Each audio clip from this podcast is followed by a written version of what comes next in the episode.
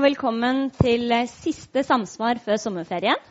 Velkommen også til de som streamer dette her. Og gratulerer til oss alle, for Samsvar fylte to år nå i juni. Og hvilken bedre måte å feire det på med å snakke om en av dagens største samfunnsutfordringer arbeidsledige unge.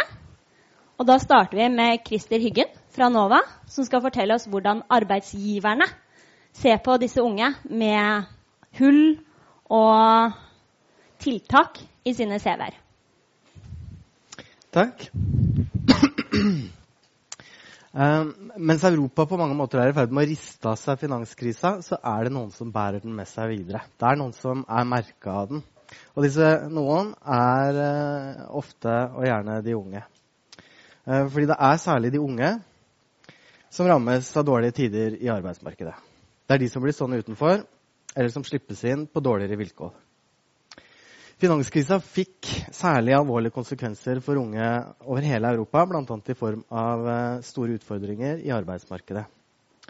Som eh, forskere i eh, ni land så jobber vi her på NOVA med prosjektet Negotiate, som er et prosjekt som skal bidra til å samle noe av den kunnskapen vi føler vi trenger for å bidra til utforme politikk som kan redusere, eller være med å redusere, mulige negative konsekvenser av det å være i utkanten av arbeidsmarkedet.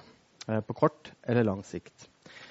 Et av kunnskapshullene vi ønsket å fylle, det handler om eh, portvokterne til arbeidsmarkedet. Om arbeidsgiverne. Det er disse som helt konkret bestemmer hvem som slippes inn, og hvem som holdes utenfor. Arbeidsgiverne, eller de som skal eh, rekruttere, de skal på kort tid med begrensa ressurser og begrenset informasjon danne seg et bilde av søkerens produktivitet og egnethet for stillingen. De benytter mange forskjellige strategier for å øke presisjon, minimere eh, risiko. Men den første strategi er altså å se på CV. En ulempe med unge CV er at de gjerne er korte. De har ikke hatt tid til å samle seg erfaring. Det betyr at hver enkelt oppføring eller eh, manglende oppføring i CV blir ekstra synlig. Så med finanskrise i bakspeilet så vet vi at det er mange unge i Europa som har måttet starte karrierer eh, i et vanskelig arbeidsmarked. Og dersom det ikke finnes jobber til deg, eller jobber du er kvalifisert for, så må du gjøre noe annet.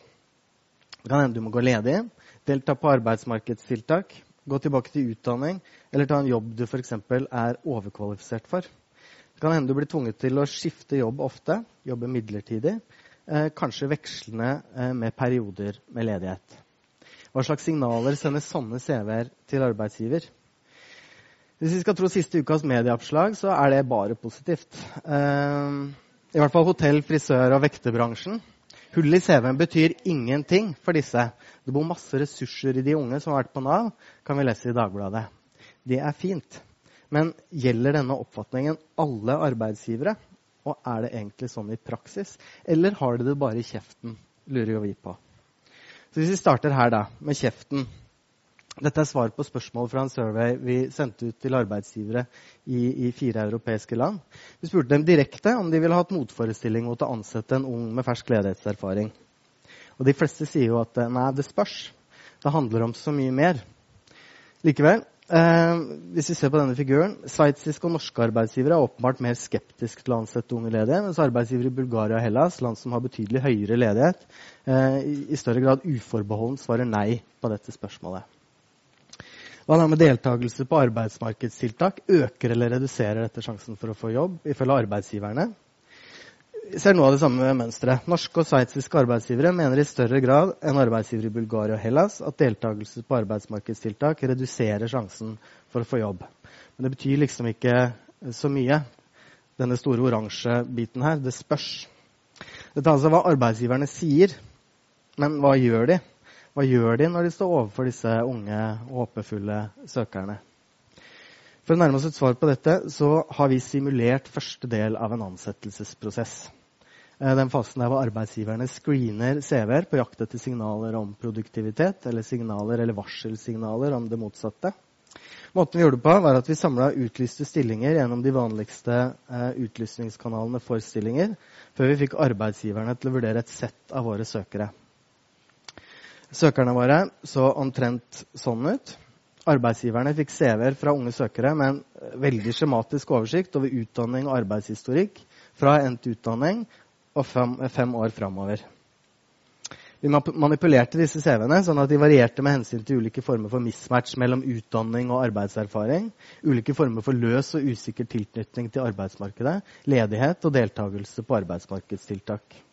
Så det vi gjør her, det er at vi altså direkte tester gjennom et uh, eksperiment hvilke signaler unge CV-er sender til arbeidsgiverne. Hvordan arbeidsgiverne vurderer litt hullete og litt rufsete CV-er. På denne måten så, så, så, lærer vi om hva som kan lede til at en søknad til en ung søker havner høyere eller lenger ned eh, i, i, bunken av søknader. Og dermed om de i det hele tatt blir tatt med videre til denne det spørs-vurderingen som arbeidsgiverne snakker om. Jeg skal ikke si noe mer om metode, men si at dere kan lese mer om det på nettsida vår. Jeg skal vise noen resultater. Først, ikke overraskende, arbeidsledighet på CV lønner seg ikke om du vil ha jobb. Arbeidsgiverne straffer arbeidsledighet når de vurderer de fiktive CV-ene. Alt annet likt. Arbeidsgivere i Norge straffer arbeidsledighet hardere enn arbeidsgivere i Hellas f.eks. Ledighetssignalene, eller de arrene som ledighet etterlater på kropp og CV, de er sterkere og synligere i et land med lavere ledighet enn i et land med høyere ledighet. Eh, hva da med jobbet i en jobb du er overkvalifisert for. Det er ikke uvanlig at unge i perioder eh, må jobbe i jobber eh, som er relativt lett tilgjengelige, som ikke krever formell kompetanse eller særlig erfaring, f.eks. telefonsalg. I vår undersøkelse så straffes dette hardt. Særlig i Norge straffes ikke-relevant arbeidserfaring hardt. Da snakker vi ikke-relevant arbeidserfaring over en uh, relativt lang tidsperiode. Så det kan altså se ut som de aller fleste arbeidsgiverne i Norge ikke er som Petter Stordalen eller Inger Ellen Nikolaisen. For hvis vi ser litt nærmere på Norge Arbeidsledighet lønner seg ikke. De av kandidatene våre som har perioder med ledighet i arbeidshistorikken, vurderes som mindre attraktive enn de som ikke har ledighetserfaring. Jo lenger ledighet, jo lenger ned i bunken havner du. Ledighet tidlig i karrieren eh, betyr mindre enn ledighet senere i karrieren. Dette kan jo bety at arbeidsgiverne anerkjenner at det kan ta litt tid å finne sin plass og få fotfeste i arbeidsmarkedet. Men for de som bruker tid og trenger litt hjelp å finne dette fotfestet, kanskje bruker tiltak som arbeidstrening fra Nav f.eks., eh, disse havner enda lenger ned i bunken. For vi testa altså signalet av tiltaket arbeidstrening fra Nav. Og hvorfor vi gjorde det, var fordi arbeidstrening er det mest brukte tiltaket retta mot unge. Unge ledige i Norge. Arbeidstrening er arbeidspraksis i ordinær bedrift, og målsettinga er å øke kompetanse, motivasjon, gjøre deltakeren bedre egnet til å stå i jobb. Deltakeren gjør faktiske arbeidsoppgaver på en faktisk arbeidsplass sammen med ordentlige kollegaer. Jeg tenker at Dette høres ut som den beste ideen. Men arbeidsgiverne ser ikke ut til å være enige. Eksperimentdesignet vårt tillater oss altså å sammenligne søkere som har vært ledige, med, sammen, eh, med, søkere som har deltatt på arbeidstrening i samme periode. Eh, og når vi sammenligner på denne måten, så ser vi at arbeidsgiverne systematisk vurderer deltakere på arbeidstrening som mindre attraktive enn deltakere som har gått ledige i samme periode. Alt annet likt. Og hvorfor er det sånn? Um, i denne undersøkelsen så har vi altså simulert en ansettelsesprosess. Vi finner ikke ut hva som faktisk skjer med de unge som i perioder ikke følger hovedveien til arbeidsmarkedet. Vi kan bare si noe om konsekvensene av erfaringene i, i, i form av eh, arbeidsgivers vurderinger. Vi mener at dette kan lære oss noe om hva arbeidsgivere forestiller seg skjer i denne perioden. Eh, eller forestillinger om hvorfor de er utafor. Forestillingene som får konsekvenser for evaluering i en ansettelsesprosess, og som er med på systematisk utestenge en del unge fra arbeidslivet. Vi har sett at både ledighet, irrelevant arbeidserfaring og deltakelse på tiltak straffer spesielt hardt arbeidsgivere i Norge. Dette betyr at kontekst spiller inn. I et land som Norge, som tilsynelatende går så det griner, så er det lettere å individualisere ledighet. Det er lettere å tenke at det må være noe galt med søkeren, eh, enn i Hellas, f.eks., hvor arbeidsgiverne like gjerne kan skylde på Goldman Sachs eller eh, Angela Merkel eller noe sånt. Arbeidsgiverne trekker også fram forestillingen om deskilling, altså at ferdigheter og kunnskap forvitrer når den ikke brukes. Men dette forklarer egentlig ikke i særlig grad forskjellene mellom arbeidstrening og ledighet. En annen mekanisme som slår inn her, er at arbeidsgivere stoler på andre arbeidsgivere. De lar andre gjøre jobben for seg. Dersom ingen andre har vært villige til å ansette personen i en lengre periode, det er lett å lese seg til fra en CV, så vil de selv også være skeptisk. En naturlig konsekvens eh, av en sånn vurdering for arbeidsgiverne vil jo være å la søknaden gå i det, i det store arkivet og, og, lete videre. Fordi det trenger ikke være store forskjeller mellom to søkere i vurdering for at beslutningen skal få konsekvenser. Det er beinhard konkurranse. Du er enten innafor eller utenfor. Du har enten fått jobben, eller så får du den ikke. Det spiller ikke noen rolle om du er på plass nummer to eller tre. Og så lenge du har noe på CV-en som eh, sender disse negative signalene, eh, som gjør at du vurderes systematisk lavere enn andre, så stiller du dårligere i konkurransen. Og når dette går over tid, så får vi en kumulativ uheldig situasjon. Og da blir det kanskje ikke plass til denne det spørs-vurderingen. Det blir ikke plass til å se og lete etter eh, disse ressursene som bor i, i, i Nav. Eh, eh, deltakerne på Nav. Uh, og med det så er min tid brukt opp. Uh, jeg vil bare benytte anledningen til å fortelle at uh, forskningen som ligger bak dette, det finner dere på nettsiden vår, sammen med mye annen relatert forskning fra prosjektet, og penga kommer fra EU. Takk.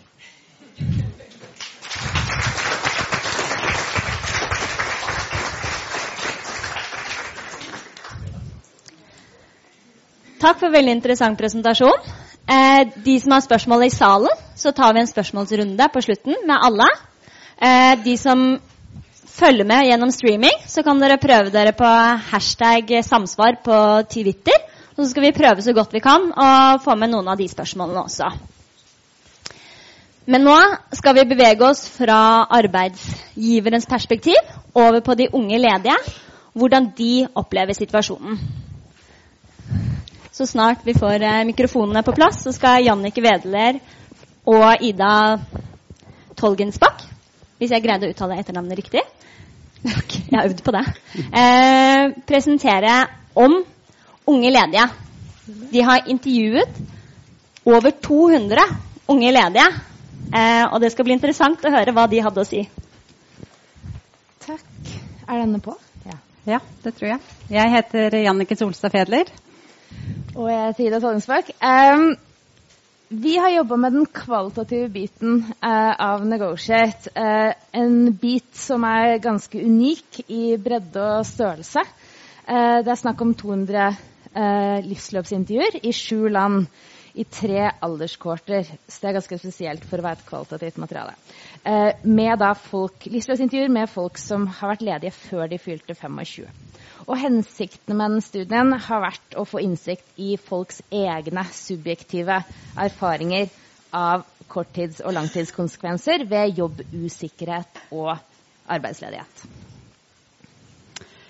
Ja, og I Norge så intervjua vi i alt 23 personer. Eh, datamaterialet er variert og spenner fra fortellinger til mennesker som har erfaring med et par måneders arbeidsledighet, til folk som har vært arbeidsledige praktisk talt hele sitt voksne liv. For noen av intervjupersonene så var opplevelsen med arbeidsledighet nylig eller pågående. For andre så lå den erfaringa ganske langt tilbake i tid og kunne være farga av seinere erfaringer i arbeidslivet. Når det gjelder konsekvenser ved å være arbeidsledig som ung voksen, så er det særlig to forhold som peker seg ut, både blant intervjupersonene i Norge og i de andre landene, og på tvers av generasjonene. Ledighet og jobbusikkerhet fører ikke veldig overraskende til dårligere økonomi. Og det er også en stor belastning på folks psykiske helse. Og det her samvirker i å skape et økonomisk og sosialt utenforskap for den som rammes. Eh, I Norge så spiller velferdsstaten, oftest representert ved Nav, en sentral rolle i arbeidslediges liv, og de er dermed også veldig viktige i intervjupersonenes fortellinger. Hensikten med Nav sitt arbeid er jo da dels å kompensere for bortfall av inntekt, dels å øke arbeidslediges sjanser, arbeidslediges sjanser for å komme i jobb. Og det Nav skal og forsøker, er jo da å hjelpe folk i en vanskelig situasjon i å komme seg videre i livet. Ofte så møter Nav personer med veldig sammensatte utfordringer, og det krever en bred og helhetlig tilnærming for å lykkes. Og vi skal kort nå fortelle om to av intervjupersonene våre. Den ene har vi kalt Elin ser, og hun ser ut til å ha fått den hjelpa hun trenger fra Nav, mens intervjupersonen som vi har kalt Astrid, forteller om å ikke komme seg ut av det tiltaket som vi kaller arbeidstrening, som Christer nettopp eh, nevnte. Elin hun har hatt uh, mange jobber, men ingen faste. Og hun forteller ja, det har jo vært, har jo vært tre bolker arbeidsløshet da, på en måte. Fra jeg var ferdig med videregående og fram til 25 år. Da tok jeg litt utdanning som jeg hadde lyst på her og der, og hadde mange forskjellige jobber. Og så giftet jeg meg da jeg var 25 og var hjemmeværende en god stund. Og så var det et veldig turbulent ekteskap. Og så var det helt til 2006. Da bodde jeg i utlandet, og da dro jeg hjem. Alene med datteren min. Og da skulle jeg prøve å komme meg på arbeidsmarkedet, men da var jeg for syk og ikke attraktiv. Saksbehandleren på Nav sendte Elin til lege, og det viste seg at hun hadde pådratt seg en del livsstilssykdommer, inklusiv depresjon. Elin hun trengte, og hun fikk omsorg. Hun trengte at noen tok overblikk over livet hennes og så hva som måtte gjøres.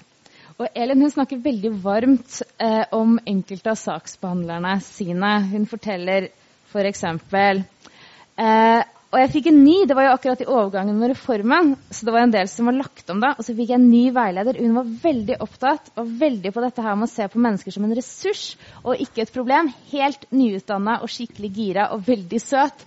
Og veldig sånn stilte spørsmål for å ville virkelig kjenne meg. Så vi fikk veldig god kontakt. Eh, hun kommer tilbake til denne saksplanen flere ganger. Det første skrittet for Elin var sosialhjelp og legebesøk. Seinere kom andre ting, som attføring. Elin har vært med på det meste av Navs tilbud. Fra private tilbyderes CV-kurs til store satsinger fra Nav sin side. Hun har som sagt sammensatte problemer og har fått et fleksibelt tilbud. Hun kom ganske nylig tilbake til jobb igjen og opplever at hun nå får brukt kompetansen sin, og at hun er en ressurs. Når Elin peker på hva som har hjulpet henne, og som hun mener bør videreutvikles for å hjelpe andre, hjelpe flere, da peker hun særlig på lønnstilskudd som tiltak. Hun har sjøl følt at når hun gikk på lønnstilskudd, så fikk hun gjort en ordentlig jobb, samtidig som det var litt frihet i det. At hun, hun følte f.eks. at hun kunne belaste arbeidsgiveren sin litt ekstra med spørsmål og tilpasninger. Men det hender jo også at Nav ikke fungerer som det skal. At tiltakene folk plasseres i, gjør vondt verre. Og Ida og jeg vi skrev nylig en kronikk om dette på forskning.no, og der trakk vi fram eksempelet Astrid. Og Astrid hun eh, har en funksjonsnedsettelse. Hun har fullført utdanning og er i stand til og ønsker å komme i jobb. Hun har søkt mange jobber, men blir som regel ikke engang innkalt til intervju. Kort sagt, hun er i målgruppa til Nav og trenger ekstra bistand. Men Nav ser ikke ut til å finne andre løsninger for henne enn å sende henne på tiltak som verken har gitt henne nettverk, langsiktighet eller økonomisk mulighet til å flytte hjemmefra.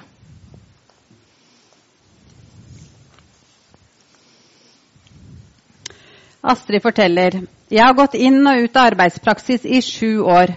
To måneder, tre måneder og fem måneder. Det hadde vært fint hvis jeg hadde fått fast jobb etterpå. Men jeg får ofte beskjed tidlig om at jeg aldri får fast jobb. De på Nav kaller det for arbeidstrening. Jeg vil, jeg vil være i et arbeidsmiljø der jeg kan delta og være til nytte. Jeg vil ikke være gratis arbeidskraft. Og vi er jo ikke de første som peker på at tiltakskjedene som dannes av nye typer aktive arbeidsmarkedstiltak, iblant blir kontraproduktive og skaper en ny type prekariat der folk fanges. Eh, de midlertidige tiltakene gir ikke nødvendigvis økt kompetanse eller øker sannsynligheten for å få en plass i det ordinære arbeidslivet. Astrid hun snakket om at arbeidsgivere må ta et større inkluderingsansvar. Og hun har, i likhet med de andre intervjupersonene i Norge og de andre landene i Europa, anbefalinger om tilnærminger eller tiltak som kunne hjulpet dem for å unngå, overleve eller komme ut av arbeidsledighet. Og det var tre anbefalinger som skilte seg ut. Bedre og flere lærlingplasser som kan lette overgangen fra yrkesfagopplæring til arbeidsliv. Bedre og mer tilpassa hjelp fra velferdsstaten. Noe som nevnes ofte, er behovet for å bli sett som noe mer enn et nummer i køen. Og bedre oppfølging av eksisterende lovverk som kan hindre utbytting av sårbare arbeidstakere, f.eks. i prekære jobbsituasjoner, deltid og midlertidige kontrakter. Den kanskje viktigste tilbakemeldinga fra de arbeidsledige tvers over Europa er behovet for å føle seg sett og anerkjent av sentrale aktører som arbeidsgivere og arbeidskontorer. Og i Norge så er jo det Nav. Takk for oss.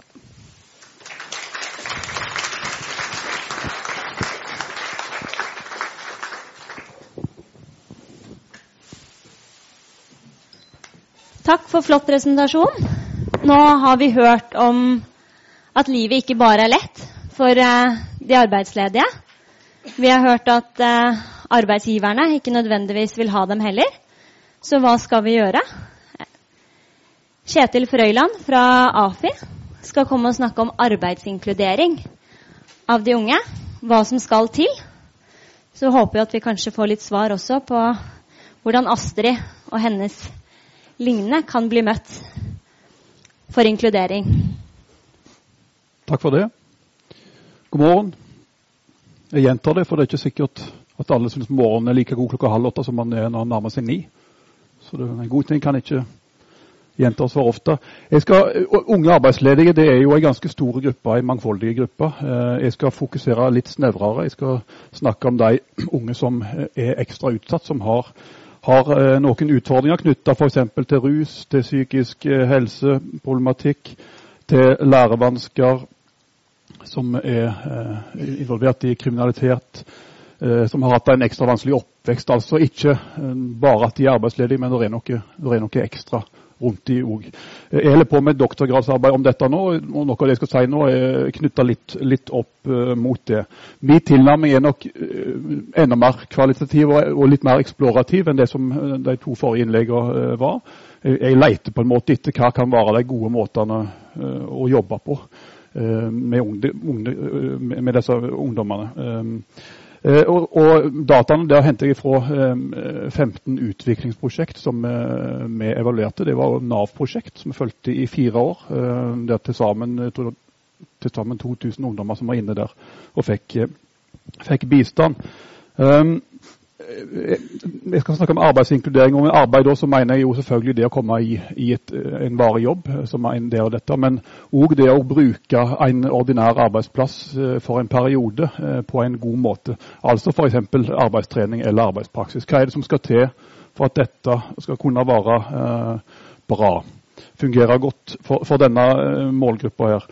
Eh, og bare la meg si det med en gang, eh, Arbeidsgiverne kan jo spille eh, viktige roller, selv om Christer har sagt at de jo eh, kan være et hinder på, på mange måter. Så, kan, så har vi sett mange eksempler på arbeidsgivere som gjør helt fantastiske ting med, med ungdommer som er kloke og øh, voksne mennesker som, som, vil de unge vel, og som jeg tror både Nav og andre kan lære masse av i, i måten en tenker rundt disse ungdommene.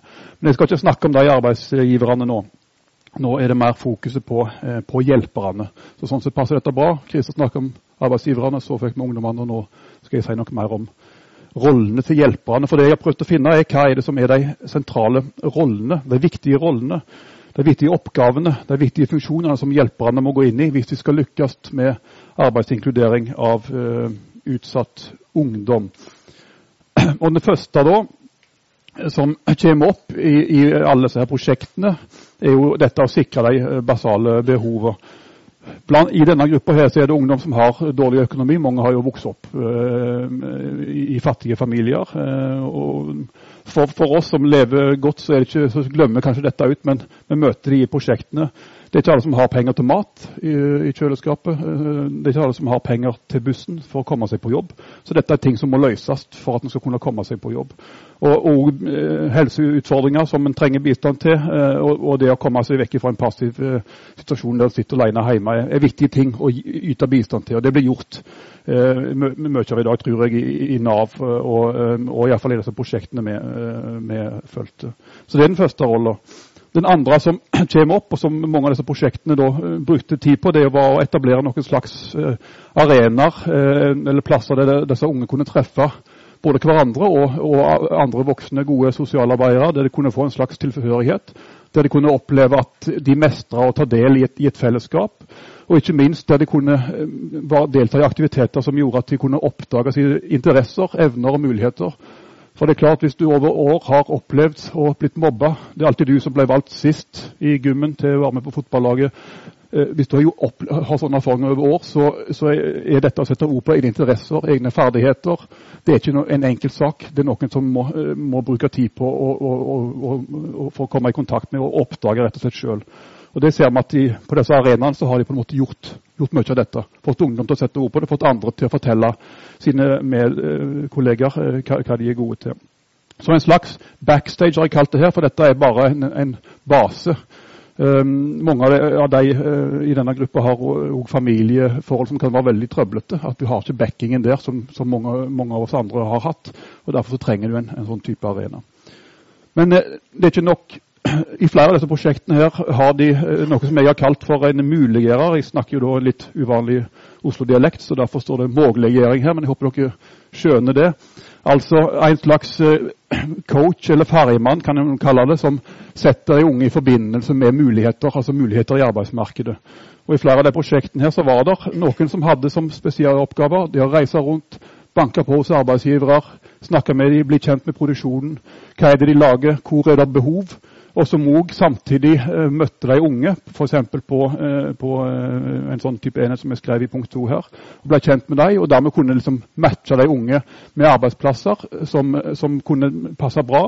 Ikke bare at oppgavene skal være bra, men òg miljøet på arbeidsplassen, klimaet, hvem de andre er, osv.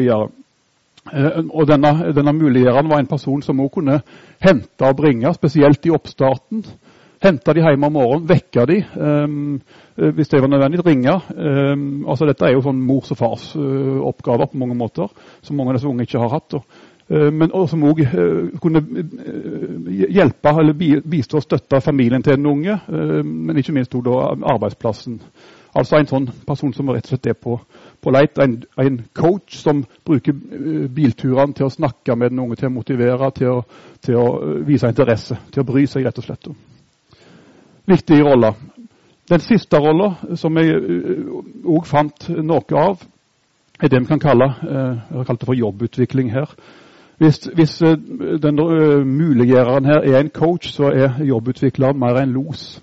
En person som Altså, En los er jo en person som går om bord i en båt på kysten, og som ikke bare gir råd til kapteinen om hvor han skal, men han tar over ansvaret, han tar over styringen, han har kontrollen. Og det er det behov for for en del av disse eh, mest sårbare i perioder. En person som har en klar plan for hvordan skal jobbe med inkludering i virksomheten, som både handler om dialogen med den unge, dialogen med arbeidsgiveren. Eh, en som kan drive med det han kaller for job-carving, altså eller jobbsnekring heter det på norsk. Altså at du finner oppgaver som passer for den unge, eh, som denne kan mestre, som kan bli noe positivt, og som arbeidsgiveren òg har, har nytte for. da. Eh, og som òg kan sørge for å fasilitere naturlig bistand. altså eh, De fleste av oss er jo gode på å spørre til hjelp. Vi banker på dører og sånt og henter inn bistand når vi trenger det. Men mange av de som er sårbare, sliter med dette. De kan ha sosial angst. En trenger å organisere arbeidsplassen på en sånn måte at bistanden er lett tilgjengelig. Sånn at de òg jobber i nærheten av folk som faktisk har blikket og bryr seg eh, om de unge, og som heller ikke blir plaga mer av å ha noen som trenger kanskje litt ekstra oppfølging. Så en, en jobbutvikler er mer en aktiv, driver aktiv internering. Det kan være behov for å gå inn på arbeidsplassen, snakke med kolleger. Um, hjelpe dem til hvordan de skal uh, sette grenser for denne ungdommen som kanskje forteller altfor mye i lunsjen, eller snakker om helt feil ting i lunsjen, som gjør at han bygger et negativt bilde av seg sjøl i, i virksomheten, som kan føre til at han da ramler ut fordi han ikke passer inn. Um, så de, de fire rollene der så ut til å være viktige. Eh, og de kan, eh, Det er ikke slik at dette er et trappetrinn. Det kan være behov for alle samtidig, og det varierer fra sak til sak osv. Vi fant jo, ser på empiriene, så finner vi jo klart mest av den første rolla der. Den, er, den finner en jo overalt. Finner ganske mye av den rollen nummer to der òg. Finner litt av den rollen nummer tre, men veldig lite av den rollen nummer fire. Så de to siste punkter her er det, ut ifra den empirien vi, vi har, er der det er behov for å utvikle dette mest. De to andre øverste det kan man si at er dekka i stor grad av, av, Nav og kanskje mye av det vi finner i sosialt arbeid. De to siste der er mer preget av dette å tenke arbeidsinkludering. Og det, Den litteraturen der, der, akkurat det perspektivet er best utvikla nå i dag, det er jo innenfor noe som heter for supported employment. og Derfor tenkte jeg bare å bruke litt tid på det eh, til slutt. Det handler jo om å ta, eh, ta ordinære arbeidsplasser i bruk veldig, veldig raskt. Eh, så raskt som mulig. Ikke, ikke, for raskt, men passe raskt. Men den tenker i retning av arbeid. Eh, de har mye av denne rolle tre og fire i seg. Det, vanlige, det vanlige arbeid som er målet her. Og, og det gjelder selv om det er psykiske utfordringer det er snakk om, om det er rusproblematikk eller, eller hva det måtte være. Jeg bygger denne bistanden tett på bruker sitt ønske og de preferansene, altså interessene, ferdighetene, evnene vedkommende måtte ha. En, en, går raskt i gang med å lete etter jobber og har, legger mye vekt der på å bygge uh, nettverk med arbeidsgiverne. Uh, slik, og kan da bidra til å, å, utvikle jobber som passer for disse unge her. Og så er det også slik at den Oppfølginga er jo veldig, veldig viktig her. At, et av prinsippene i, en av disse support employment-tilnærmingene er jo nettopp at oppfølging skal kunne være tidsubegrensa. I praksis er det ofte ikke det, men, eh, men den vil avta over tid. Men, men, men, det kan godt være at behov her oppstår eh, lenge etterpå, flere år etterpå at en har starta en jobb. sånn at det, det, er viktig å ha det der langsiktige perspektivet. Det er mye forskning på, disse, eh, på denne supported employment-tilnærminga. Noe, noe så kanskje Dagsrevyen i går. Der var det et innslag der Nav eh, sier at nå skal de begynne å jobbe mer med å bruke arbeidsplasser raskt. og Det bygger på bl.a. på en kunnskapsoppsummering som ble gjort nå av Folkehelseinstituttet, som slår fast at ved denne tilnærmingen her så er det eh, dobbelt så stor sjanse for at unge med psykiske lidelser kommer i jobb. Og Nå vinker Vilde her, så da må jeg nærme meg avslutninger. Det, det gjør jeg jo, så det passer, passer ganske fint. Um, det er tre hovedversjoner. Jeg skal ikke gå inn i dem eh, her nå. Men den IPS er den som er mest omforska. Så er det en femtrinnsmodell som er nokså kjent. Og så er det en som heter Customized Employment, som er, er, handler mer om å sy til rette eh, jobber som passer spesielt for de unge. I dette perspektivet her så er det slik at arbeidspraksis, arbeidstrening, det må skal gjennomføres som en, en kaller for place and train. Altså du skal ut på en arbeidspraksis, men det skal være planer for hvordan det skal trenes opp, det skal være planer for hvordan dette skal føre inn i videre jobb. Det skal være gjennomtenkt. Det skal ikke være slik som praksisen ofte er, nemlig en slags place and pray. Og Det er det som ligger bak mye av at det ikke fører til resultater. Det er, En sender folk vekk og, og, og, og, kan nå bruke tida på andre ting etterpå. Så Her er det viktig å ha en plan rundt dette. Det er også slik at Arbeidsgivers risiko her den blir redusert gjennom oppfølginga fra hjelpeapparatet, fra gode jobbspesialister, som kan reise hjem til de unge om de ikke kommer om morgenen, som kan bidra i opplæring og som kan bidra eh, til å bygge gode strukturer rundt dem. Og det vi har sett, er at når utsatt ungdom som har opplevd å blitt mobba og vært utenfor i mange mange år, kommer inn på en arbeidsplass, mestrer, får positiv tilbakemelding, så beskriver de det som en livsviktig hendelse. Og Jeg vet ikke om det er et merke for livet, men i fall så er det kjempeviktige ting for disse, for disse, unge, som fører til endring i deres uh, liv. Og Da sier jeg takk for meg.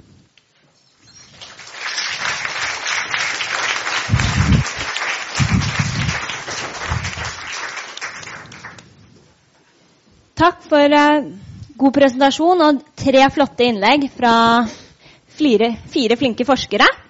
Eh, hensikten med samsvar var å skape en arena for meningsutveksling mellom forskerne, praksisfeltet og politikerne. Og det ville vi ikke oppnådd hvis det bare var forskerne som snakket. Derfor er vi også så heldige at vi har fått tre forberedte innlegg fra Nav. LO og Norsk Handikapforbund.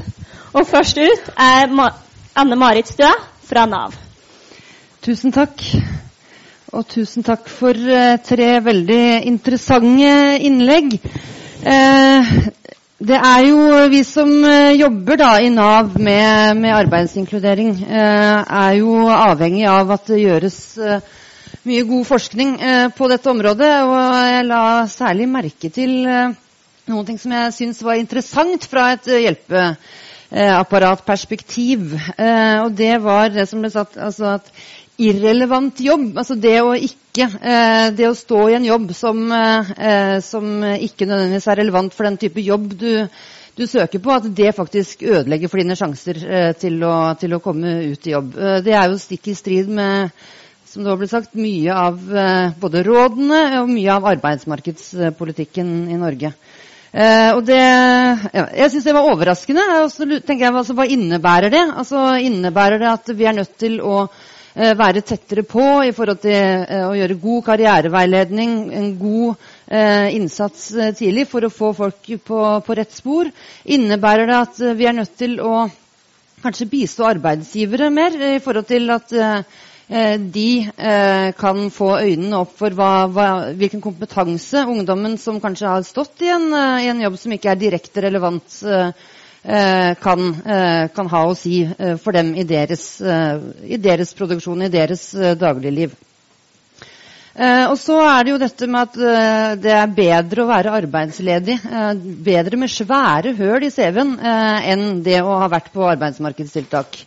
Eh, og det må vi jo bare eh, ta inn over oss. Eh, altså, vi bruker mye penger på arbeidsmarkedstiltak eh, i Norge. Tanken er jo at det skal hjelpe folk videre, og det ser vi jo at vi ikke i tilstrekkelig grad eh, har, har, fått til. Eh, og, og, da er det jo igjen altså, hva, hva innebærer dette? Altså, det, ja, nå kom jo Kjetil Frøyland på slutten med litt fasiten på det, tenker jeg. Altså at arbeidsgivere eh, og eh, arbeidssøkere i Norge er nok litt for mye vant til at vi holder på med dette place and pray. Altså De har dårlig erfaring eh, med, å, eh, med, å, ta inn eh, folk som strever med å komme inn på arbeidsmarkedet. Og de som strever med å komme inn på arbeidsmarkedet, som vi jo hørte, har dårlig erfaring. Altså Når du blir gående sju år eh, på ulønna arbeidspraksis, så er det jo ikke det som er, det er, ikke det som er tanken. Det er jo ikke det som er, det som er målet. Eh, men heldigvis så skjer det mye spennende ting eh, i, Nav for tiden. Altså Vi er i ferd med å vri eh, innsatsen vår fra veldig fokus på, på arbeidsmarkedstiltak og lange løp til eh, det som eh, Kjetil Frøyland var, var inne på, eh, med supported employment, med støtte både til, til arbeidssøker og, og arbeidsgiver. Det ene grepet som, som, vi har gjort her, Vi holder nå i år på å innføre en ungdomsinnsats hvor unge under 30 år skal få en eh, mer tilpassa innsats. Eh, og hvis de har vært arbeidsledige i mer enn åtte uker, Eh, så vil Nav da gå inn og se. altså Man vil bli, få en tettere oppfølging i forhold til en avklaring. Er det noe mer du strever med? Eh, for det vet vi jo at eh, ofte så kommer ungdommen til Nav, de trenger litt penger. Nei, da alt går ellers fint og flott. Og så er det først etter en stund at, at man ser at her er det noen større behov. Og der må Nav bli bedre på å avdekke hva er disse behovene. Eh, og eh, så går vi jo nå igjennom vår, eh, annen, et annet viktig eh, virkemiddel som vi har, er jo de såkalte AMO-kursene, altså arbeidsmarkedsopplæring, eh, som i liten grad gir formelle, eh, formelle kvalifikasjoner. Og Der er vi jo i gang nå med en gjennomgang for å se kan vi i større grad gi folk en, en fagutdanning. og så kan vi bruke disse kursene Eh, for å gi folk mer formell kompetanse. Eh, og det er jo etterspurt både fra arbeidsgivere og som vi hørte arbeidstakerne sjøl. Eh, så holder vi på å innføre da denne rollen som jobbspesialist i, i Nav. Altså hvor vi er ute etter de jobbene Omtrent 70% av stillinger i Norge faktisk lyses ikke ut. Eh, sånn at de som da faller igjennom hvis man har en CV med for mye eh, mikmak som arbeidsgiverne ikke liker, så har du behov for en ekstra introduksjon til, til arbeidsgiverne. Du har behov for denne personen kanskje som kan eh, banke på dørene og gi deg, gi deg et innpass. Uh, og uh, du har behov for, og arbeidsgiverne har kanskje behov for, at man gir noe ekstra støtte uh, i, i etterkant. Eh, kanskje langvarig, kanskje kortvarig. Kanskje det mange trenger, eh, bare er den introduksjonen, en liten eh, oppstart på, på, arbeidsplassen. Mens andre vil trenge mer. Nå er min tid ute, men følg med, altså. Det skjer mye spennende i våre kretser. Takk.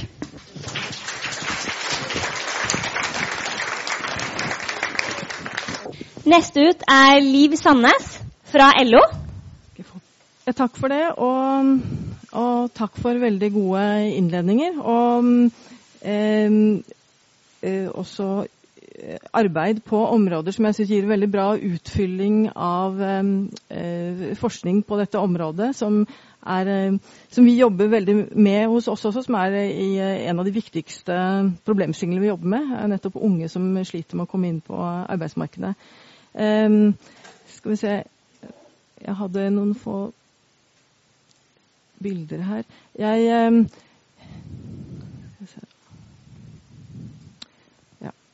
Um, aller først eh, bare en liten kommentar til begrepet arbeidsløshet. fordi eh, Dette er jo tittelen på seminaret i dag. Og, og eh, det er ikke helt trivielt heller å fange opp arbeidsløshet, spesielt blant eh, unge. Så hvem vi snakker om, hvor stor gruppe, kan variere veldig mellom land. Eh, veldig mange har ikke opptjent dagpengerettigheter og dermed ikke melder seg til Nav f.eks. Og noen kan være redde for å, for å, melde seg til Nav, for nettopp eh, det var, tror jeg har vært påpekt også at man er redd for å ikke komme ut igjen.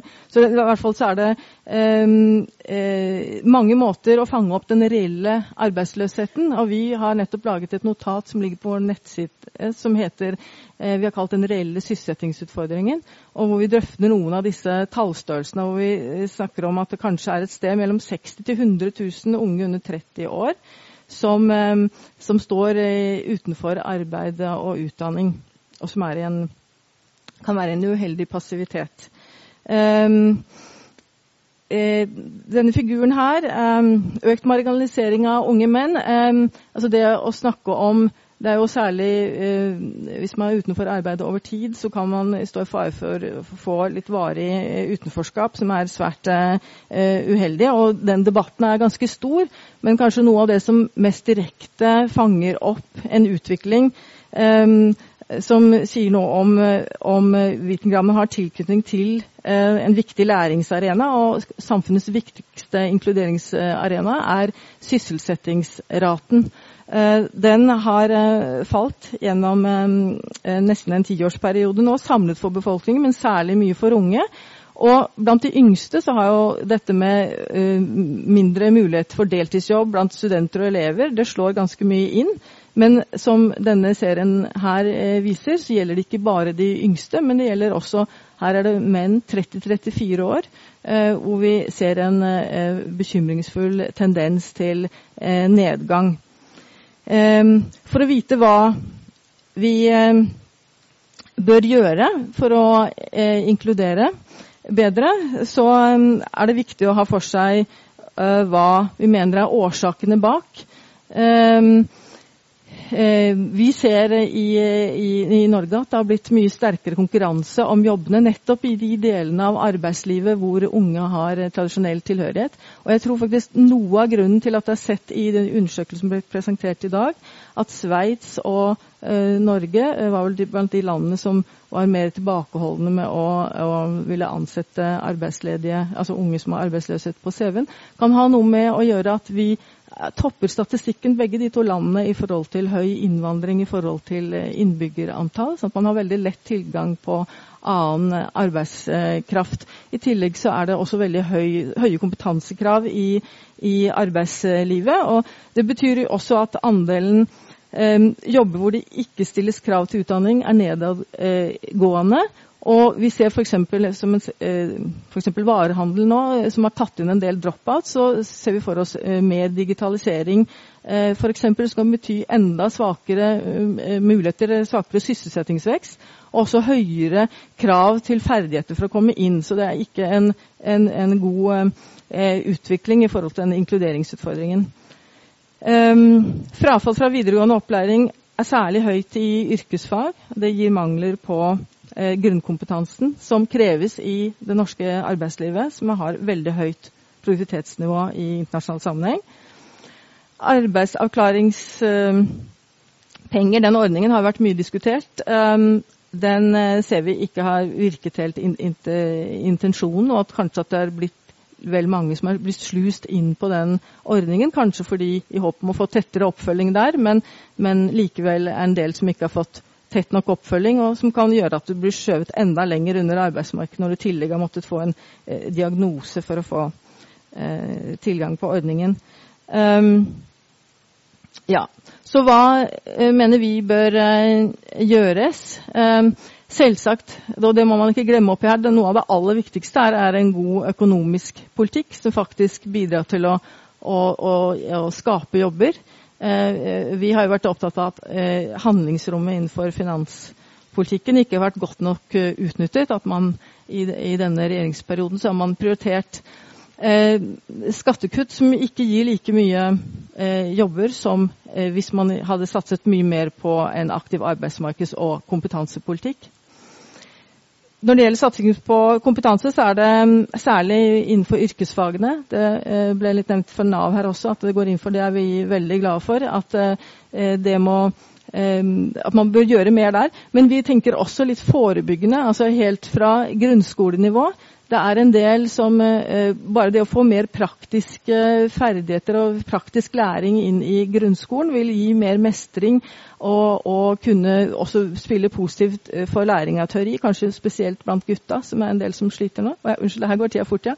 Um, ja, men, men, også hele veien opp eh, er også for å hindre at det oppfattes som en blindvei som kan virke negativt i forhold til gjennomføring på, av videregående opplæring. Og så er det den tette oppfølgingen, og også arbeidsgivere, som også har vært inne på, og som kommer fram i flere av prosjektene her, tror vi er kjempeviktig. Og særlig arbeidsgiverbiten tror vi mangler en del nå, men, men også av den enkelte.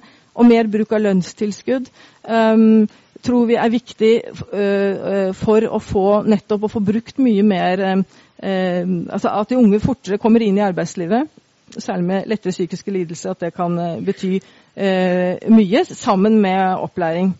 Og så er det tidlig innsats. selvfølgelig alltid, Det må vi ikke glemme, selv om det tar tid før det eh, slår inn. Eh, ja, Det var det viktigste tiltak. Takk for det.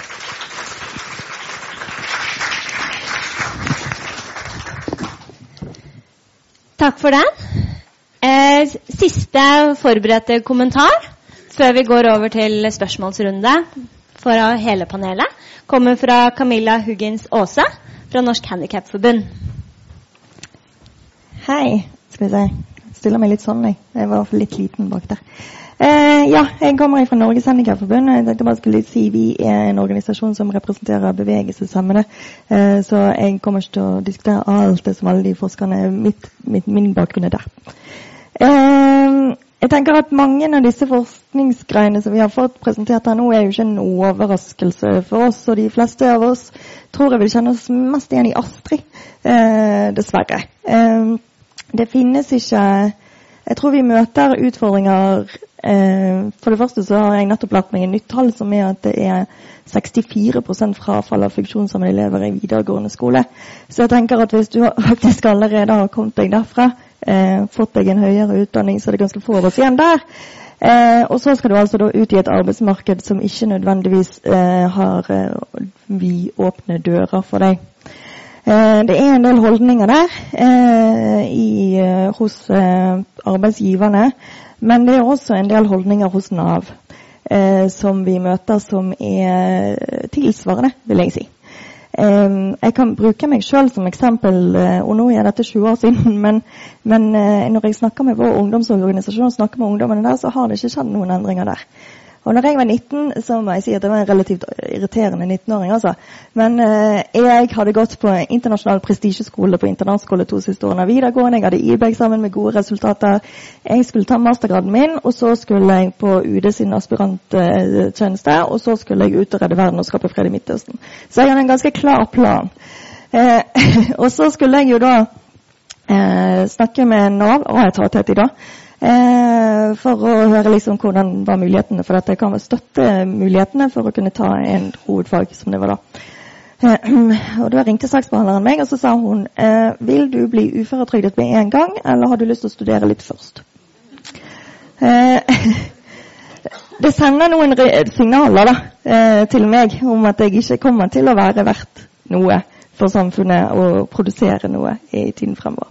Eh, ja, ja, det er 20 år siden. Eh, men jeg snakker med mine ungdommer som sagt som forteller akkurat den samme historien. Eh, så hadde jeg en ny eh, Jeg tok masteren min, gikk ikke inn på aspiranttjenesten. Jeg fikk en jobb i Utlendingsdirektoratet istedenfor som saksbehandler. Eh, og etter fem år der så sa kroppen min litt stopp. Der var jobben min å sitte foran datamaskinen og produsere vedtak dagen lang. Eh, og det funket ikke så bra i kombinasjon med min cerebralparese i lengden. Eh, så da kom jeg på arbeidsavklaringspenger i Nav-systemet. Eh, og da tenkte jeg litt sånn at ok, men nå har jeg jo vist at jeg, jeg har jo en mastergrad med gode resultater, jeg kan ha en jobb osv. Så, videre. eh, så jeg, jeg hadde liksom en idé om at nå kom Nav til å hjelpe meg over i en annen slags stilling. men eh, når jeg kom på mitt første møte med en av veldig mange saksbehandlere i Nav, så, så sa jeg sånn Hva, hva skjer nå? Hva, hva, er planen videre? Eh, vil Nav hjelpe meg over i en annen stilling? Og da, da så denne saksbehandleren for meg litt sånn uforstående. Så sånn, nei, men hva skulle det være? eh, og da er jeg litt sånn hm. Jeg, syns f.eks. ikke det krever veldig mye sånn uh, oppfinnsomhet å tenke lærer.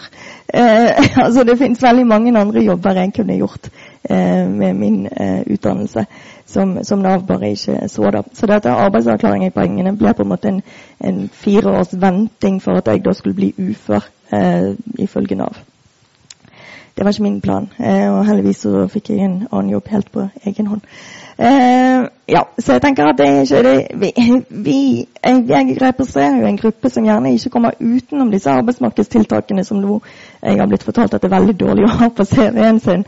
Uh, men når vi da i tillegg møter de holdningene allerede i Nav, før vi har en mulighet til å komme ut på arbeidsmarkedet, så blir situasjonen ganske vanskelig. Og Her er det veldig mange som har sovet i timen. Jeg synes også, når jeg, siden LO er her eh, Det er jo ikke noe vi har fått veldig særlig drahjelp fra, fra arbeidstakerorganisasjonene heller. Eh, jeg hadde f.eks. For et eh, forslag til handlingsplanen som var oppe på LO-kongressen om at LO skulle gjøre mer for å hjelpe funksjonshemmede arbeidstakere ut av i, i, i, arbeidslivet. Men det kom ikke inn. Så jeg tenker at vi er flere som har et ansvar her for å gjøre noe som ikke har tatt det ansvaret. Vi har jo masse forskning på at vi er liksom 85 000 funksjonshemmede som gjerne vil ut og ha en jobb. Eh, og så har jo AFI gjort masse forskning til dette tidligere om at arbeidstilskudd eh, Det gjelder jo det saliggjørende her for tiden. Eh, at vi kan pøse på med arbeids, lønnstilskudd for å uansett, og vil, vi vil uansett gå i pluss. Og da har vi ikke regnet på helseutgifter, som selvfølgelig blir mye lavere for samfunnet. da. Eh, det er fint. Jeg tenker at For min gruppe så er nok det kanskje det mest det viktigste tiltaket. Samtidig så er jeg litt opptatt av hva signaler det også sender. For det sender et signal om at ja, vi kan gjerne ta deg, men vi vil ikke, vil ikke betale for kompetansen din. Eh, så jeg er litt opptatt av at hvis man får lønnstilskudd, så skal det være i en midlertidig periode der det er liksom poenget at arbeidsgiveren meningen skal ta over dette ansvaret. Og Hvis de da velger å ikke gjøre det, så er de nødt til å komme med en god begrunnelse for det. tenker jeg. Fordi det er et eller annet med at vi skal ikke være en sånn annenrangs arbeidskraft. Vi skal være arbeidstakere på linje med alle andre. Jeg tror jeg stopper der, så kan folk heller få ta spørsmål. Takk.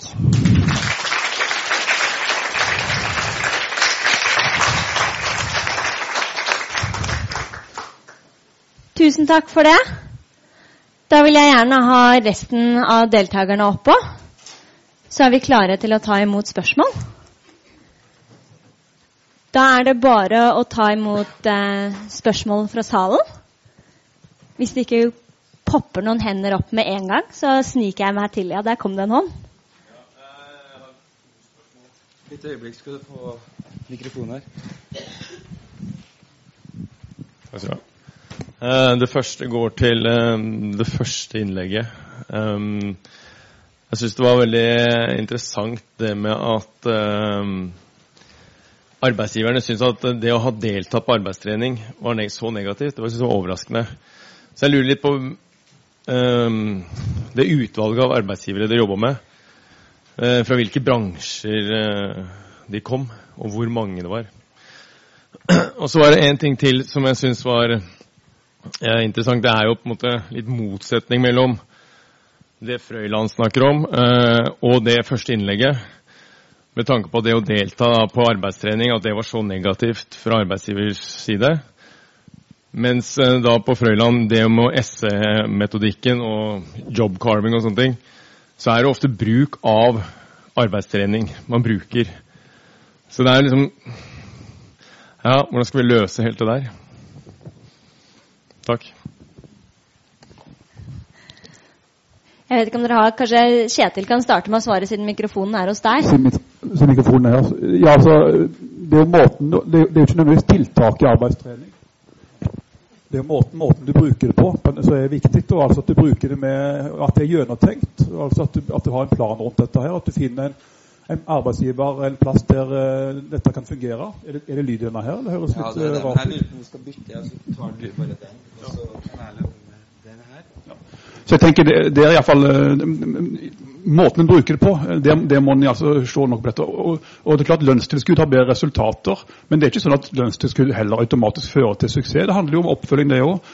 Har du et lønnstilskudd, så skal det jo føre til jobb, så da må du jo ta en del samtaler med arbeidsgiveren osv. i forkant. og Det er ikke alltid det blir gjort når du bruker arbeids, når det er arbeidspraksis, f.eks. Så, så noe av svaret ligger iallfall der, da. Um, ja um, Vi har jo ikke kunnet si noe om hva som skjer i arbeidstrening i tiltaket. Hva slags effekter det har for den enkelte unge. Uh, vi vet jo fra en del forskning at uh, sånn type oppfølging, arbeidstrening, uh, trening på arbeidsplass er kjempeviktig og funker bra for den enkelte. det vi har funnet, er jo at arbeidsgiverne er skeptiske. og det eller forklares kanskje med noe så enkelt som sånn statistisk diskriminering. Eh, arbeidsgiver vil redusere sin risiko, eh, og så tenker han at i denne gruppen så er kanskje eh, produktivitet litt lavere enn i den andre gruppen. Og så gjør de sine sånne raske vurderinger, raske førstevurderinger på det. Eh, det er nok en del arbeidsgivere som går skrittet videre og ser hva de faktisk har gjort. Eh, inviterer til intervju.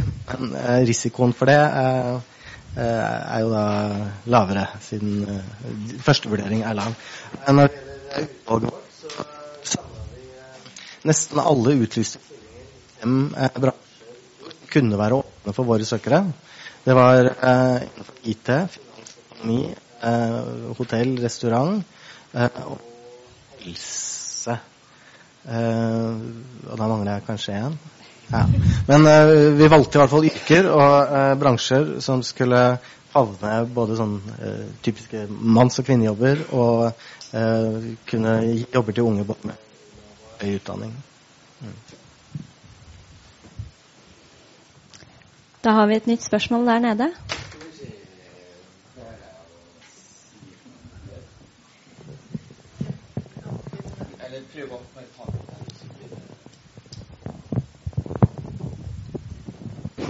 Uh, hører du meg nå? Ja. Uh, vi kommer fra Oslo-kollega. Uh, vi jobber ut ifra metodikk som supported employment. Og vi har helt andre erfaringer i forhold til det å samarbeide med eksterne arbeidsgivere. Fordi vi sikrer at det er noe i den andre enden. vi får inn deltakere som har vært lenge i systemet, og som føler mestring, og som får ansvar. Uh, og som sier til oss at de føler at de får sin egen stemme. Det jeg lurer på, er hvorfor det er så lite fokus på det som faktisk fungerer. Hvorfor kan man ikke snakke med de som eh, formidler de unge ut i jobb, og som blir der? Det er altfor lite fokus på, på, om de blir der. Om det, hvilken effekt det har. Uh, det savner vi. Fokus i forskningen eller fokus fra Nav? Eh, begge deler. Eh, og fra, fra, storting og regjering også. Hvorfor sitter man på hver sin tue? Eh, man må jo på en måte Vi har jo et felles mål. Da kan vi starte. Ja, Da kan jeg fortelle at uh, NOVA i samarbeid med Nordlandsforskning eh, driver nettopp et sånn type Best Practice, Next Practice-prosjekt. Uh, der vi sammen med fire arbeidslivssentre skal prøve å identifisere både hvordan de jobber nå overfor arbeidsgivere, altså coacher og loser, og, og hva de ser på som gode modeller å videreføre, kanskje også i de andre arbeidslivssentrene. Mm. Så det er på gang, og det er finansiert av eh, Nav FoU. Ja. Var det noen flere som følte seg kallet til å svare?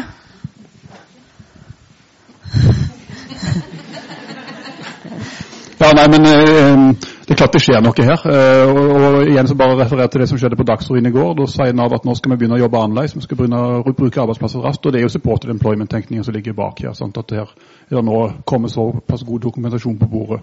Så det skjer jo ting. Og det har skjedd, øh, og, og nå skal vi nå tilsette mye større, flere jobbspesialister ute i, i bedriften. Og det er jo kjempespennende. Nei, ute i, i Nav. Eh, I Sverige har de jo siden 1993 hatt eh, det de kaller, har en sånn SIUS-ordning der de jobber systematisk med support to employment. De har over 1000, eller ca. 1000 sånne jobbspesialister der. Som, så, sånn at jeg tror vi har Det er bare å gå i gang. Da kan du svare på det, kanskje. Jeg ikke, jeg bare vippa av pinnen av denne 'hvorfor sitter vi sånn på hver, hver vår tue'? Men eh, jeg tror at den, den omlegginga som er i ferd med å skje nå Det har poppa opp initiativ litt, eh, litt, her og der. Både hos tiltaksarrangører, hos, eh, ja, i kommuner, hos arbeidsgivere og i Nav.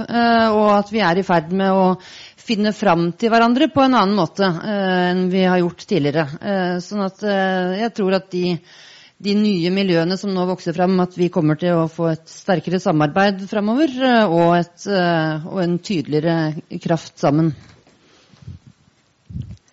Da får vi flere spørsmål inn her.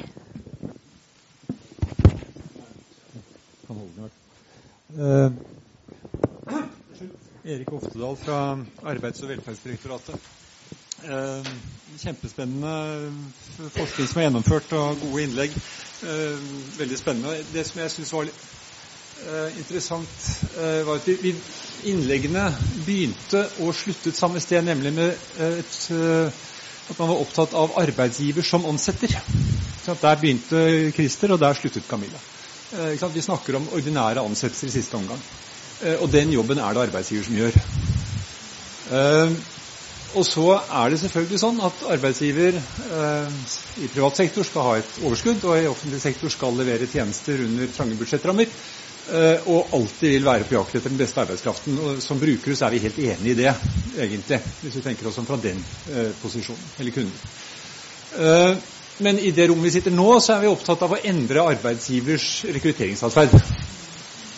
Arbeidsgiver, vi, vår hypotese er at arbeidsgiver er for skeptisk og går glipp av god kompetanse. Eh, så er svaret til en viss grad at eh, Nav og andre hjelpeinstanser må endre sin måte å jobbe på eh, sammen med arbeidsgiver. Men storparten av stillingene i Norge og storparten av arbeidsledig ungdom må finne frem til hverandre på egen hånd. Nav kommer aldri, håper jeg i hvert fall, til å bli så stor at de skal sitte fingrene sine borti veldig mange av de ansettelsene. Uh, og jo flere ungdom som kan få jobb uh, uten at Nav har fingrene sine borti det, jo mer ressurser har vi til å hjelpe de som faktisk trenger det enda mer. Så det, liksom det ene jeg savner på et fantastisk godt opplegg, det er liksom, hvor var arbeidsgiverrepresentanten i det panelet? Men siden Liv, du er jo da nærmest arbeidsgiver og det er jo det som Camilla sier, at dere har jo en viss innflytelse på dette. Ja. Og så lurer jeg også litt på i forhold til Christer, er, som, ut fra det dere har gjort, og de diskusjonene dere har hatt med europeiske kolleger, har dere noen resonnementer rundt hvordan påvirke arbeidsgivers mer generelle rekrutteringsatferd og eh, vurdering av kandidater? Takk. Jeg kan jo si at arbeidsgiversiden ble invitert. Eh, men kanskje for første gang kan jo da LO få lov til å representere dem.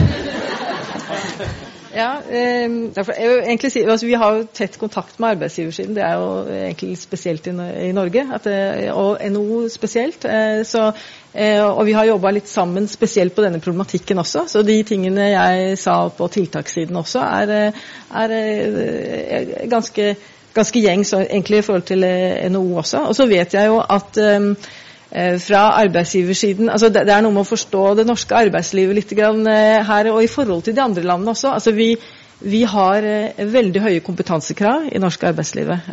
og det er vi på mange måter glade for. For det, fra arbeidstakersiden så gir det lærende jobber og utviklende jobber. Men det, baksiden er jo nettopp at det er, som, som blir sagt her, eh, det er mange unge som, eh, som, da søker seg til å få bistand inn fordi de ikke eh, har høy nok, høy nok, kompetanse og ferdigheter. Og spesielt dette med fullført videregående opplæring. Altså det oppfatter vi mer og mer som er en, en, en grunnkompetanse for å komme inn. Og veldig mange av de som sliter med å komme inn, mangler det. Um, så det er kjempeviktig. Så utdanningssystemet her er, er viktig. Um, og, I, I, tillegg så vet jeg fra arbeidsgiversiden også at de har etterløst mye å få denne, den faste kontaktpersonen i Nav. Eh, fordi når de kommer inn i arbeidslivet, så er det så høyt tempo mange steder at det, det kan være behov for det over, eh, over uh, lengre tid. Um, så, så, litt det. Men, men som sagt, altså jeg, vi har et godt samarbeid på både arbeidstaker- og arbeidsgiversiden om disse problemstillingene. Lønnstilskudd var også noe altså LO og NHO gikk sammen ut med det i forbindelse med, også, i forbindelse med flyktningutfordringen. Og, og, og, si til det også i forhold til hva jeg har etterlyst her nå, altså en handlingsplan for funksjonshemmede. Altså det Vi jobber, er, er litt opptatt av er at det er, veldig, det er flere utsatte grupper som har, har, det krevende å komme inn eh, i arbeidslivet. Og vi, vi mener at er, du kan ikke skille ut og bare snakke om egne grupper, men at vi har generelle virkemidler for å, å, å bistå inn. Men utdanningssida, yrkesfag, Kjempeviktig. Lærlingplasser, utrolig viktig. Forebygging eh, i grunnskolen. Og, og også praksiskandidatordning. altså Når du har kommet ut i arbeidslivet. det er En del har veldig dårlig erfaring med skolen også, så det å bygge ut det. Det er en lang liste.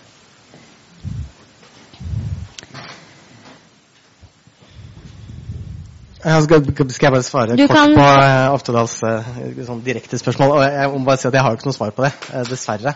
Uh, skulle gjerne hatt det. Og det er drømme, vårt neste drømmeprosjekt.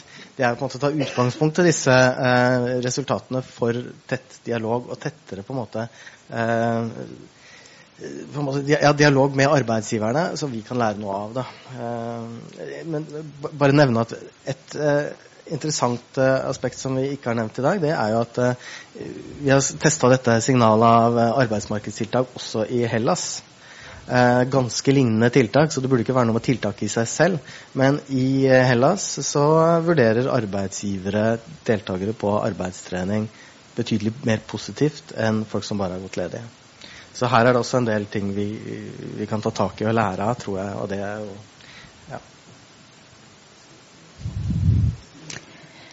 Da har vi neste spørsmål. Ja, hei.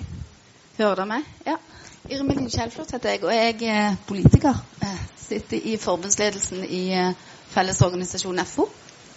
Eh, og mitt spørsmål eh, går til siste innleder. For jeg kan ikke høre på det at du ble møtt med en telefon eller et møte fra en saksbehandler i Nav som spør om, om du vil studere litt før du blir uh, uføretrygda, uh, uten at jeg får uh, liksom, kommentert på det. og alle de andre innlederne var veldig gode gjennomganger på, på, på um, utfordringer som vi kjenner godt til. men den siste der prøver jeg å lage et, formulere et spørsmål til. og det spørsmålet det handler rett og slett om Eh, vi trenger å jobbe med holdninger, om vi kan, eh, vi kan eh, samarbeide med utdanningssektoren og utdannerne våre for å istedenfor å drive med et sosialt arbeidslivsekskluderingsprosjekt, få til å, å, komme i mål med et inkluderingsprosjekt. Det var spørsmålet mitt. Ja, altså jeg, jeg tenker jo Eh, holdninger er jo generelt et samfunnsproblem, da. Eh, som ikke bare er, er, noe som skjer i arbeidsmarkedet eller hos Nav. Um, um, jeg tenker jo at dette begynner For det er litt sånn for en del sånne undersøkelser som er blitt gjort, så har man spurt arbeidsgiver om de er positivt innstilt til å ansette f.eks. folk med funksjonsnedsettelse. Uh, og da sier de ja. Uh, Eh, det er de kjempefint, kjempefint å ansette mennesker med funksjonsnedsettelse, svarer de. Eh, det, eh, så da eh, sier liksom folk at nei, men da er det holdningene som er problemet. Og det tenker jeg det er fint å si ja på et veldig hypotetisk spørsmål, men hva gjør du når det faktisk sitter noen der, da? Og jeg tenker, eh, igjen For å bruke meg selv som eksempel. Eh, jeg var på tror jeg, 63 jobbintervjuer eh, og ble innstilt som nummer to de siste 20 gangene. Og Da tenker jeg at da er det ikke det at jeg ikke er kvalifisert for jobben lenger. Da er det det at det er litt skummelt å ansette meg, og hadde heller lettere å ansette en annen. Um, men jeg tenker at dette handler litt om altså Det begynner jo allerede i skolen, tenker jeg. i det man begynner å segregere folk allerede i skolen, så forteller man folk at noen er annerledes enn andre og hører ikke sammen med oss andre. Um, og jeg, jeg tror, altså Når jeg er på en måte i fest eller sosiale lag, og sånn, så merker jeg at folk eh, når folk skal presentere seg, og sånn, så kvir de litt for å spørre meg hva, hva gjør du på, sånn som de spør alle de andre. Fordi at jeg sitter i rullestol, og det er ikke helt sikkert at jeg har en jobb. Eh, og det blir litt sånn vanskelig og dårlig stemning og sånn. Eh, men jeg har jo gått på offentlig skole hele mitt liv fordi jeg har hatt en mamma som har kjempet for det. Um, og når jeg møtte igjen en som jeg gikk på ungdomsskolen med her for et par måneder siden, eh, så tok han det helt for gitt at jeg var i arbeidslivet sånn som alle andre. fordi at han har jo gått på skolen med meg og visste at jeg var flinkest i klassen, og hvorfor skulle jeg ikke ha en jobb? på en måte. Så jeg tenker at det er et eller annet der om at det handler om at de holdningene skaper vi allerede fra barneskolen av. Eh, og jeg tror kanskje det at i Norge så har vi ikke helt godt altså Vi driver og jobber med at vi skal vekk fra den medisinske modellen der min funksjonsnedsettelse skal på en måte er min jobb å gjøre noe med, og jeg skal tilpasse meg samfunnet, til den samfunnsmodellen som gjør at samfunnet må rett og slett tilpasses oss alle som bor her. Eh, og den Vi har nok en vei å gå med den i Norge ennå.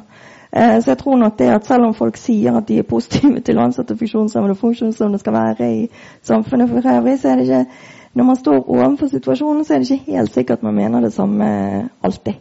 Eh, så jeg tror nok det at det der med holdninger er et problem som vi eh, trenger å gjøre noe med, ja, eh, selv om folk sier det motsatte. da. Mm. Så vi har et holdningsarbeid vi må jobbe med. Trenger vi å jobbe med det i Nav òg? Det er klart vi trenger å jobbe med holdninger i Nav òg. Altså, Nav-ansatte er jo som folk flest. Altså, man har jo de holdningene som man bærer med seg eh, fra, fra, samfunnet for øvrig.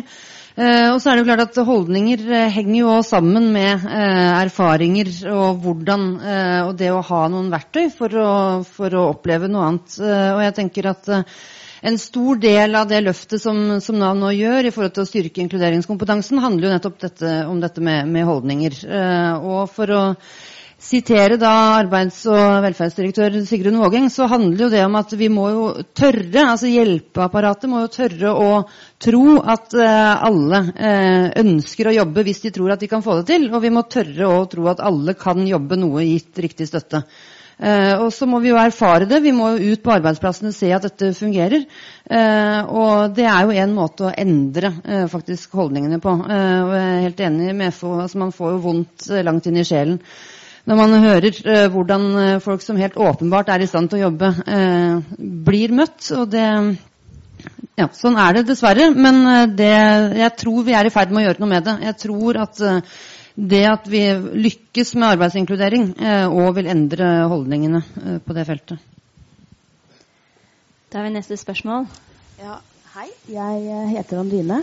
Jeg er nyutdannet sosionom, så jeg føler at jeg kanskje er i målgruppen her. Jeg er 22 år gammel eh, og jobber i Nav. Eh, og for meg, det jeg eh, tenker er litt viktig å, å, tenke på her, er at det er ingen, det er ingen her fra utdanningssystemene. Jeg, under sosionomutdanningen var jeg så heldig å få praksis hos Nav. under utdanningen. Så jeg hadde på en måte min inngangsbillett inn i arbeidsmarkedet var at jeg hadde praksis i Nav, og da kunne jeg selge meg inn på den måten. Eh, men jeg tenker at gjennom um, utdanningen min så har det vært veldig lite fokus på hvordan er det jeg skal Hva er det jeg forbereder meg til? Uh, hvordan skal jeg selge meg inn hos, uh, i arbeidsmarkedet? Hvordan skal jeg presentere meg selv? hvilke ressurser har jeg, og hvordan, og hvordan, er det i forhold til arbeidsmarkedet? Så jeg tenker at man må også fokusere på utdanningssystemene. Hvordan er det de legger opp, og hvordan er det de forbereder ungdommene eh, til arbeidsmarkedet. Og eh, jeg hadde f.eks. bare én dag eh, gjennom tre år hvor vi snakket om å selge seg inn hos eh, arbeidsgivere. Eh, så hva tenker dere i forhold til det, og hvordan eh, Jeg vet at det er litt fokus på at Nav skal inn i skole, men hvordan samarbeider dere med skole, utdanningssystemene? Hvordan tenker dere på at, hvordan skal dere være bedre på å forberede ungdommen i forhold til arbeidsmarkedet før de kommer til det punktet hvor de må ta kontakt med Nav?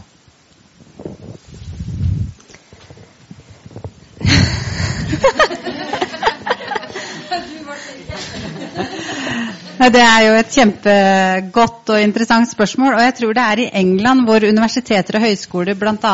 blir rangert med tanke på altså, hvordan er det studentene der lykkes i arbeidslivet. Og her i Norge er vi opptatt av å få folk igjennom utdanninga, men vi er ikke så opptatt av hva som skjer etterpå. Eller i hvert fall ikke fra utdanningsinstitusjonenes side. Da. Så det kunne jo kanskje vært én vei å gå. Og på, og på en måte i hvert fall at uh, utdanningsinstitusjonene kanskje må rapportere om i hvilken grad får studentene som har gått her, jobb etterpå.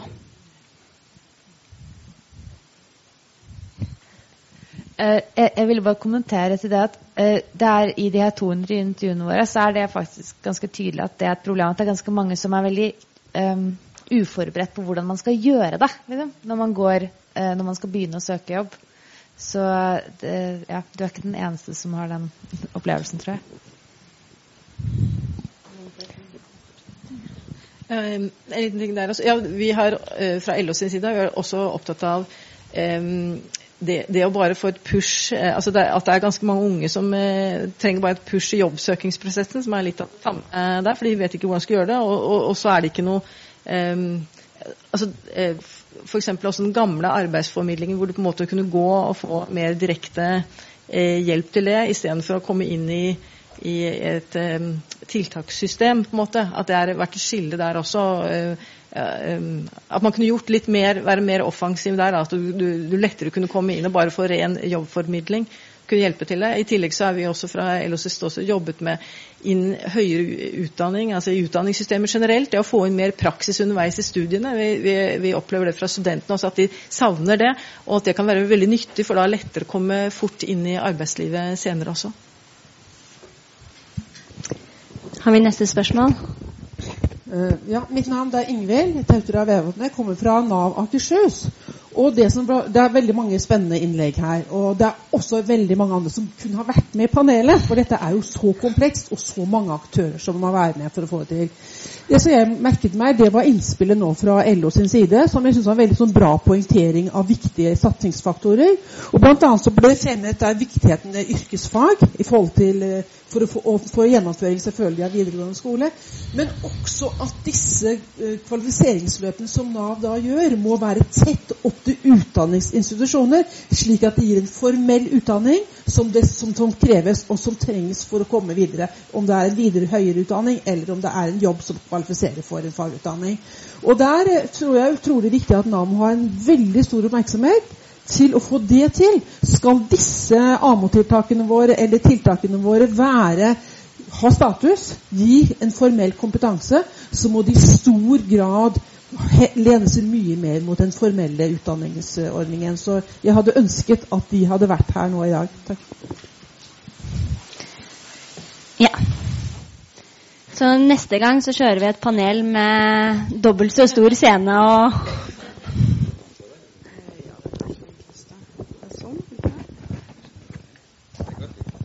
Det går fint. Hører dere? Ja. Eh, jeg heter Inga Lena Grønlund. Eh, jeg er her fra læringssenteret her på IOA. Men eh, det jeg skal si nå, kommer på bakgrunn av en tidligere rolle som jeg har hatt. Du Camilla fra Funksjonshemmedes forening, på dialekten din så syns jeg det høres ut som du er fra Hordaland. Når du snakker For 20 år siden så var du i kontakt med Aetat. Og for 20 år siden så var jeg fungerende fylkesarbeidssjef i Hordaland. Um, I hvilken grad det har noe betydning for deg at jeg sier unnskyld på vegne av det vi har gjort, det veit jeg ikke. For meg personlig så Det traff meg veldig. Det var mitt ansvar at slike ting ikke skulle skje. Og um, det smerter meg å høre det på denne måten. Det må jeg si. Jeg beklager. Eh, samtidig så vil jeg også si at de signalene jeg hører herfra, fra Nav og fra de andre institusjonene, det syns jeg er svært positive når det gjelder det jeg opplever som en større eh, skal jeg være stygg nå, vilje og evne til helhetlig tenkning.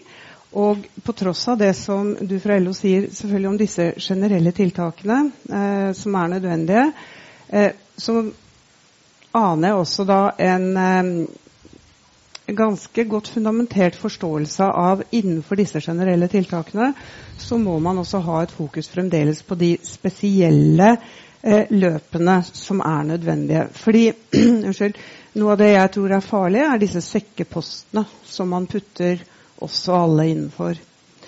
Eh, det som jeg fremdeles tror er nødvendig, og som er et dilemma fordi at det legger store belastninger på enkeltindivider, det er jo nettopp at historier sånn som det du og sånn som Astrid og Elin i disse eh, prosjektene som ble presentert, at disse historiene kommer frem.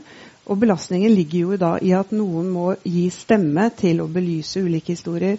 Og jeg tror det er nødvendig at dette fanges opp både av forskningsmiljøene, av tiltaksapparatet, av det politiske systemet, slik at man ser at det å legge til rette for at erfaring kan samles, genereres og så integreres i det som blir eh, en, kanskje en ny vinkling på arbeidsmarkedspolitikken og på forståelsen, er helt nødvendig.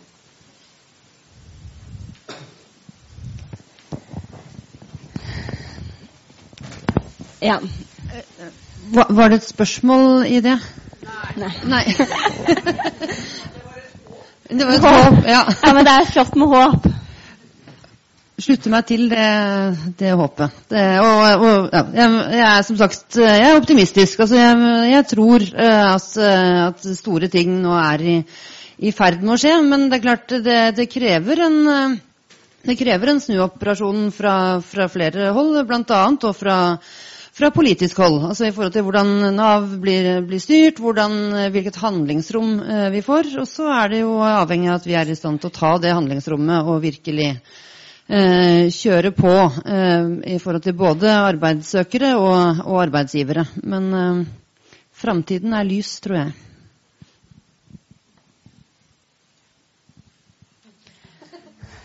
Full enighet i panelet om det. Ja full, full enighet om uh, håp for fremtiden.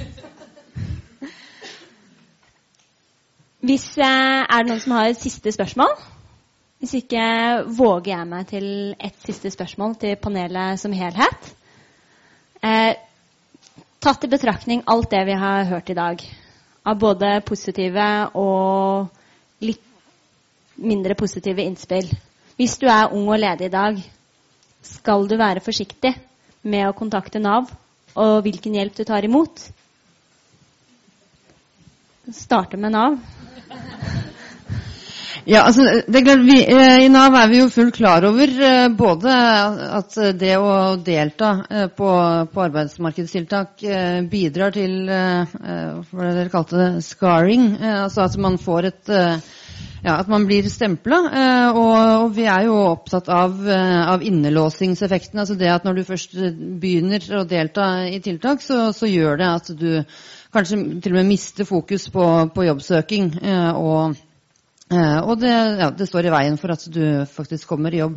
Så vi er veldig Vi, har, ja, vi oppfordrer jo ungdommen i, størst mulig grad til selvfølgelig å, å klare seg sjøl, og de aller fleste gjør jo det. Altså, det er jo vår erfaring at av de unge som er innom eh, Nav for en kortere periode, så er jo de fleste eh, ute igjen etter ganske kort tid eh, helt av seg selv.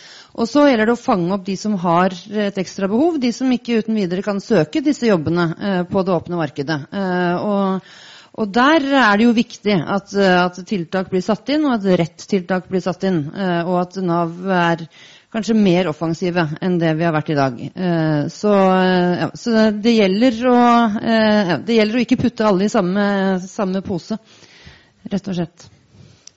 Kristi, vil du føye jeg vil ikke råde unge til å holde seg unna på bakgrunn av vår forskning. i hvert fall. Jeg tenker, og Det vi ser, er jo at det, det gjøres utrolig mye godt arbeid i Nav-systemet. Uh, vi har nok et av de mest velfungerende sånn type støtteapparater i hele verden. Og det er synd at arbeidsgiverne ikke anerkjenner det. Uh, så jeg ville ikke gitt råd til de unge om å holde seg unna. Jeg ville heller uh, gitt et råd til arbeidsgiverne om å være litt mer åpne.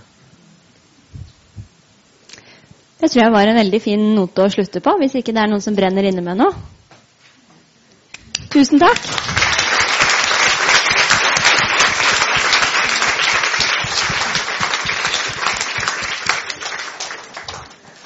Da har vi bare en liten takk vi, til alle sammen fordi dere har stilt opp.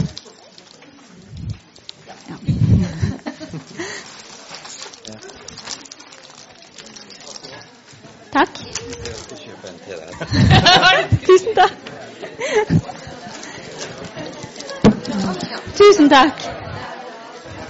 Nei, jeg vet.